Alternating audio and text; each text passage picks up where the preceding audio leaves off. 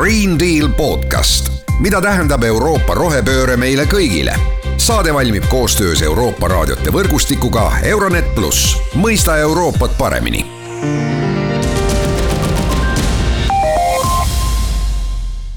tere, head Green Deal taskuhäälingu kuulajad, mina saatejuht Mart Valner ja tänases saates räägime kliimamuutustega kohanemisest. ja sellest, millised kohad Eestis on siis kõige ohtlikumad, kui me hakkame tuleviku kliimamuutuste päris mõjude peale mõtlema Eestil on ka kliimamuutustega kohanemise arengukava juba aastast kaks tuhat kuusteist. Ja mul on hea meel, et minul on seda, kuidas meie siis nendega kohaneme, täna rääkimas kliimaministeeriumi kliimaosakonna juht Laura Remmelgas. Et tõepoolest kaks tuhat kuusteist see kohanemise kava sai, sai Eestil koostatud ähm, Äh, selle aluseks olid äh, põhjalikud äh, analüüsid, et kuidas siis muutuv kliima erinevaid tegevus- ja majandusvaldkondi Eestis mõjutada võiks ja millised peaksid siis olema need lahendused, millega selles muutuvas kliimas paremini toime tulla. ja juba tol ajal said ka siis need äh, peamiste selliste väljakutsetena äh, ära märgitud äh, ekstreemsete sademetega toimetulek, põuaperioodide pikenemine, kuumalainete sagenemine, aga ka siis erinevate ekstreemumite sagenemine. ja võib-olla, mis tasub ka nagu välja tuua, et et et äh, kui me vaatame, et see arengukava ei olnudki ja need analüüsid ei olnudki nüüd äh, nii ammu aega tagasi koostatud, äh, siis tänaseks need arengud ja see kliima muutumine on olnud võib-olla isegi natukene kiirem, kui me toona prognoosisime. ja sellega seoses me oleme ka siis neid prognoose nüüd uuendamas, et et näha seda tulevikku paremini ette, et kuidas see kliima siin Eestis muutuma hakkab mm. -hmm. aga mis need ohud üleüldse, mida me praegu ette näeme, mis meil võivad olla, tõesti ekstreemumid äh,, noh, aeg-ajalt on meil olnud üleujutusi ja kas me hakkame nendeks rohkem valmistuma, kas meil on äh, Äh, tuleb rohkem sademevee ärajuhtimist ja samal ajal, äh, kuna ka põuad ju suurenevad, et siis äh, ma ei, ma ei teagi, mida ehitada saab, et, et neid, seda olukorda parandada, rohkem li, linna looduse arendamist ja nii edasi või mis, mis me nagu päriselt teeme? siin on jah, eri, erinevaid nii-öelda lahendusi, et ma tooks kõigepealt välja, et looduspõhised lahendused, need on võib-olla sellised äh, kõige universaalsemad, mis äh, aitavad toime tulla erinevate kliimamuutustest tingitud mõjudega, olgu selleks siis äh, sademevee üleujutused, aga ka siis ähm, äh, nii-öelda kuumaperioodid, kus tuleks tuleks inimestele ka rohkem varju pakkuda ja hoonetele rohkem varju pakkuda, et selleks need äh, Äh, looduspõhised lahendused on ka kõige universaalsemad äh, ja lisaks siis sellele äh, kliimamuutuste mõjuga toimetulekule tõstavad nad ka üldiselt meil elukeskkonna kvaliteeti. et, et me, võib-olla mida me peaksime siin Eestis rohkem mõtlema, ongi see, et et kõik need lahendused, mis aitavad meil kliimamuutuste mõjuga toime tulla, Äh, on tegelikult äh, ka äh, head meie elukeskkonna kvaliteedile, et me ei vaataks neid lahendusi kui sellist täiendavat kuluartiklit, vaid kui normaalset hea elukeskkonna lahendust mm. -hmm kas me hakkame ka rannavalle ehitama ja ma tean paljudel riikidel, kus on veetõusud, noh, eriti eelkõige muidugi Vaikse ookeani saareriigid ja nii edasi, tohutud vallid ehitatud, Holland ju samamoodi hästi suures mures, kuna see maa on ju merest allpool, eks ole, kui meretase veel tõuseb, et mis seal saab ja nii edasi. kas me hakkame ka rääkima sellest, et Eesti rannikul ehitame suured vallid ette? Äh, kindlasti tuleb ka Eesti äh, rannikualade puhul hinnata seda, et et äh, kus ja millised need mõjud avalduda võiksid, just tuleviku vaates ka, aga äh, juba täna nii äh, sadem-, nii sadamate puhul, aga kui vaadata ka, kuidas uus rannapromenaad Pärnus on ehitatud, siis ka need rajatised juba täna mingil määral arvestavad nende mõjudega, et küll nad ei ole nii palju vaadanud siis seda ette, et mis meil äh, võib-olla siin tulevikus toimuma hakkab, aga meil on olnud siis neid äh, mineviku äh, kogemusi ja ekstreemumeid, millele tuginedes neid lahendusi on siis rajatud. aga jah, et võib-olla üks väljakutse, millega me nagu siin Eestis rohkem äh, võiksime ka tegeleda, ongi siis see, et äh, me ei vaata ainult seda mineviku kliima poolt, vaid me iga lahenduse puhul, eriti kui me räägime sellistest pikaajalistest äh, investeeringutest, pika elueaga investeeringutest nagu taristu, hooned, siis nende rajamisel tuleb mõelda ka juba sellele, et milline see kliima seal piirkonnas, kuhu see Äh, hoone või rajatis äh, ehitatakse, milline see saab seal olema ja millega tuleb siis seal arvestada, et kas meil hakkab seal potentsiaalselt merevee tase tõusma, äh, on meil seal kuidagi suurem potentsiaal sademevee koondumiseks, soojussaarte tekkeks, et kõikide nende aspektidega juba siis ehitamise juures arvestada ja mitte mõelda ainult sellele, et neid sündmusi siin ei ole olnud, aga vaadata ka siis pigem seda, et äh, kuidas see võiks siis hakata kahekümne või viiekümne aasta perspektiivis kujunema ja juba ette mõelda, sest ümber teha on kindlasti äh, kulukam ja keerukam, kui, äh, kui kohe nende lahendustega arvestada mm. -hmm. Kui räägime kahekümne, viiekümne aasta pärast, mida need prognoosid meile praegu siis äh, nii-öelda ette näitavad, et äh, missugune see Eesti kliima on, no eristame nüüd selle palun ikkagi ära, eks ole, et et kliima ja ilm on, on kaks erinevat asja ja see, et meil on äh, praegu ilus ja lumerohke talv, ei, ei tähenda, et kliimamuutused või on, on läbi saanud, eks ole, et et mida, mida need prognoosid meile näitavad praegu? prognoosid näitavad seda, et Eestis see aasta keskmine äh, Äh, temperatuuri tõus äh, saab olema kiirem ja on juba olnud kiirem kui äh, paljudes muudes maailma piirkondades. Ja kui nii-öelda üldistada, siis saab olema rohkem sademeid nii-öelda ühel perioodil koos korraga maha tulemas, pigem siis vihma kujul kui lume näol rohkem äh, kuumapäevi, äh, rohkem äh, põudasid,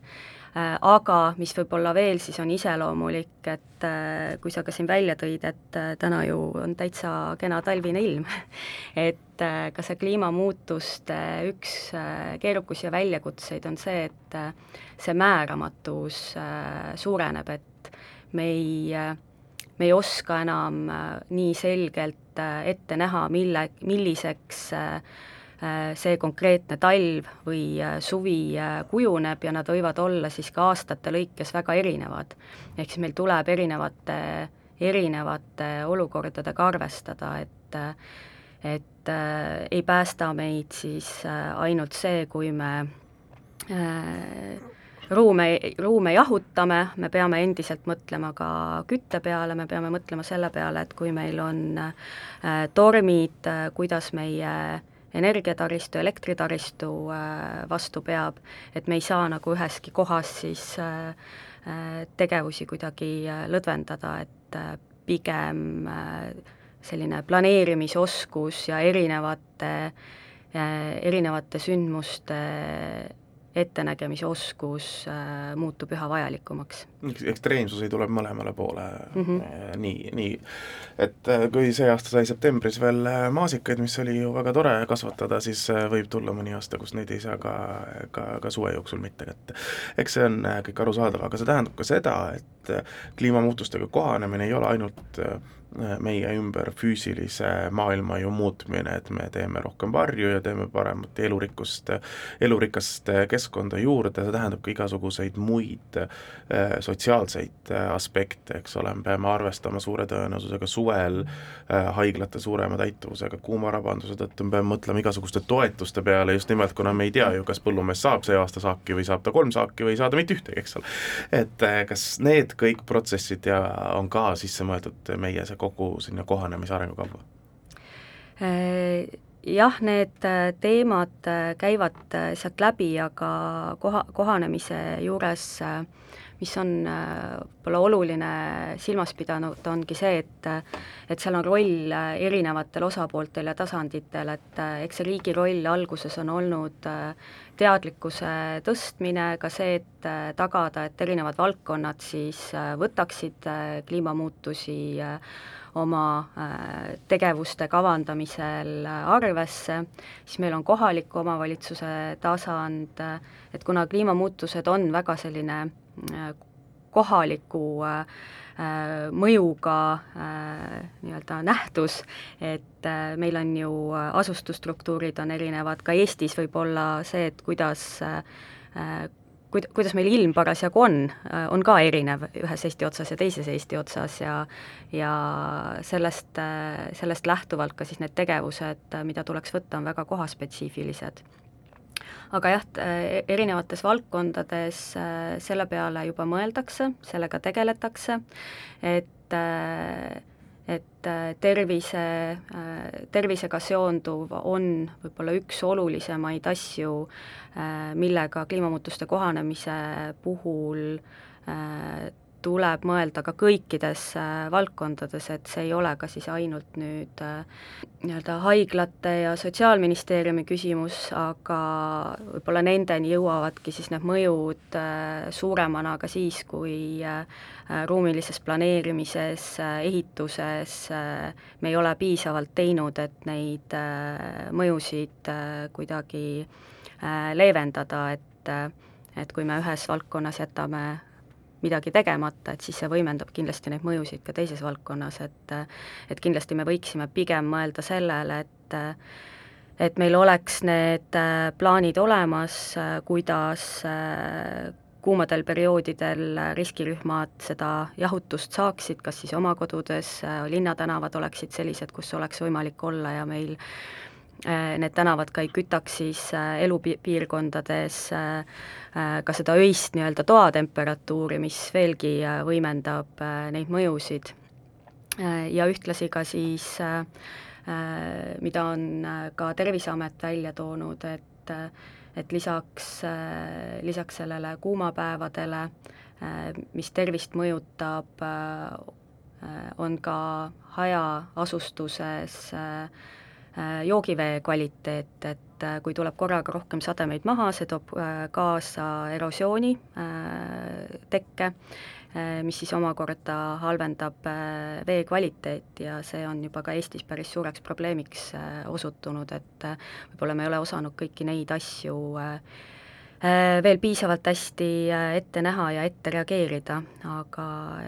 siin on siis jah, tuleviku vaates veel meil nii-öelda õppetunde ja tegutsemisruumi aga, aga mida mina inimesena, kas ma saan ka kohaneda äh, kliimamuutustega äh, kuidagi paremini, ma kui,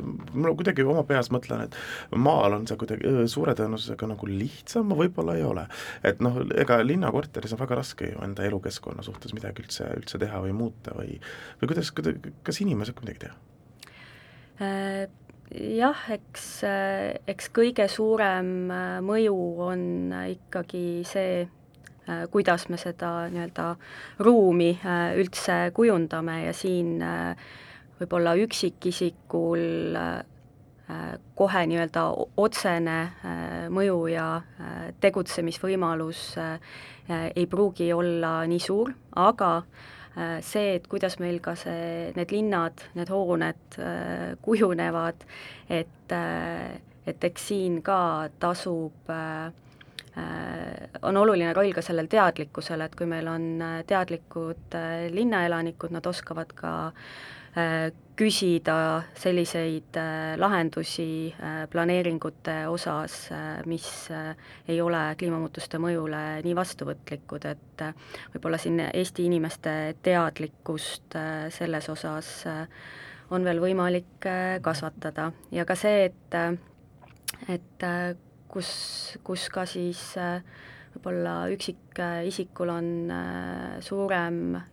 tegutsemisruum, on äh, nende enda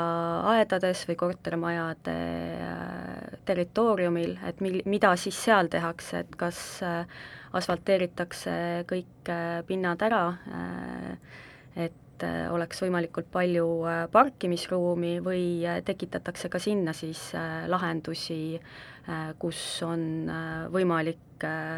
olla äh, soojal või liiga kuumal äh, suvepäeval, mis ka varjutab siis nagu hoonet ja ja teeb inimeste olemise mugavamaks äh, sellistes natukene ekstreemsemates tingimustes, on ka lahendused sademevee ärajuhtimiseks, et jah, et päris seda ei saa ka öelda, et üksik ini-, üksik indiviidil üldse rolli ei ole, aga aga eks siin olegi, et kõikidel tasanditel on siis äh, oma roll ja mõju äh, selles osas, et kui kohanemisvõimelised me oleme.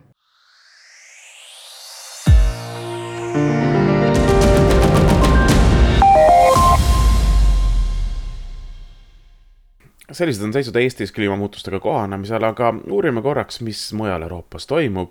äh, ja läheme oma juttudega Itaaliasse. Daniele Spicicino on insener ja uurija, kes äh, töötab sellises organisatsioonis nagu ISPRA. Äh, ISPRA oli siis üks organisatsioon, kes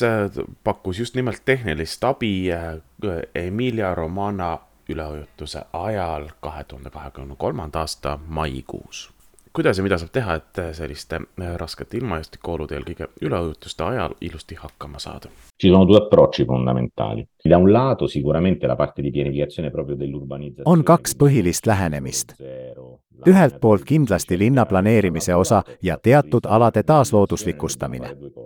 teiselt poolt vaadates leevendusmeetmeid, peame tegema kahte asja, struktuursed sekkumised, mis aitavad meil vähendada nende nähtuste mõju konkreetsele territooriumile, mis põhinevad looduslikel lahendustel, seega mitte väga mõjuvõimsad, kuid annavad territooriumile hingamisruumi ja võimekust nende sündmustega toime tulla, näiteks looduslikele üleujutusaladele kompensatsiooni eraldamine on selge, et eelistame üle ujutada põllumajandusmaad, nõustudes põllumehega ja öeldes talle, vaata, kui ebasoodne ilmastikunähtus toimub, on parem, et sinu piirkond üle ujutatakse. ma maksan sulle kompensatsiooni, pigem kui linn hävib. teiselt poolt on olemas sekkumised, mida nimetatakse mittestruktuurseteks, mis puudutavad kogu jälgimist, hoiatamist ja kõiki neid tegevusi, sealhulgas teadlikkuse ja teabe levitamist kui olen kodanik ja elan hoones või oman tehast piirkonnas, kus on suur hüdroloogiline oht, siis kui saabub ekstreemne ilmahoiatus ja ka üldiselt pean igapäevases ja erandlikus olukorras võtma kasutusele sellised ettevaatlikud käitumismudelid. toon näite, auto ei panda garaaži halva ilmaga, vaid päev enne. kui mul on tehas piirkonnas, kus on suur hüdroloogiline habrasus, pean võtma terve rea meetmeid võimaliku mõju vähendamiseks, mida see sündmus võib võib avaldada minu tootmistegevusele. seega on vaja edastada teadlikkust ja teadmist kõige rohkem ohustatud kogukondadele, et tagada kahjude vähendamine sündmuste ajal. Green Deal podcast, mida tähendab Euroopa rohepööre meile kõigile? saade valmib koostöös Euroopa raadiote võrgustikuga Euronet pluss, mõista Euroopat paremini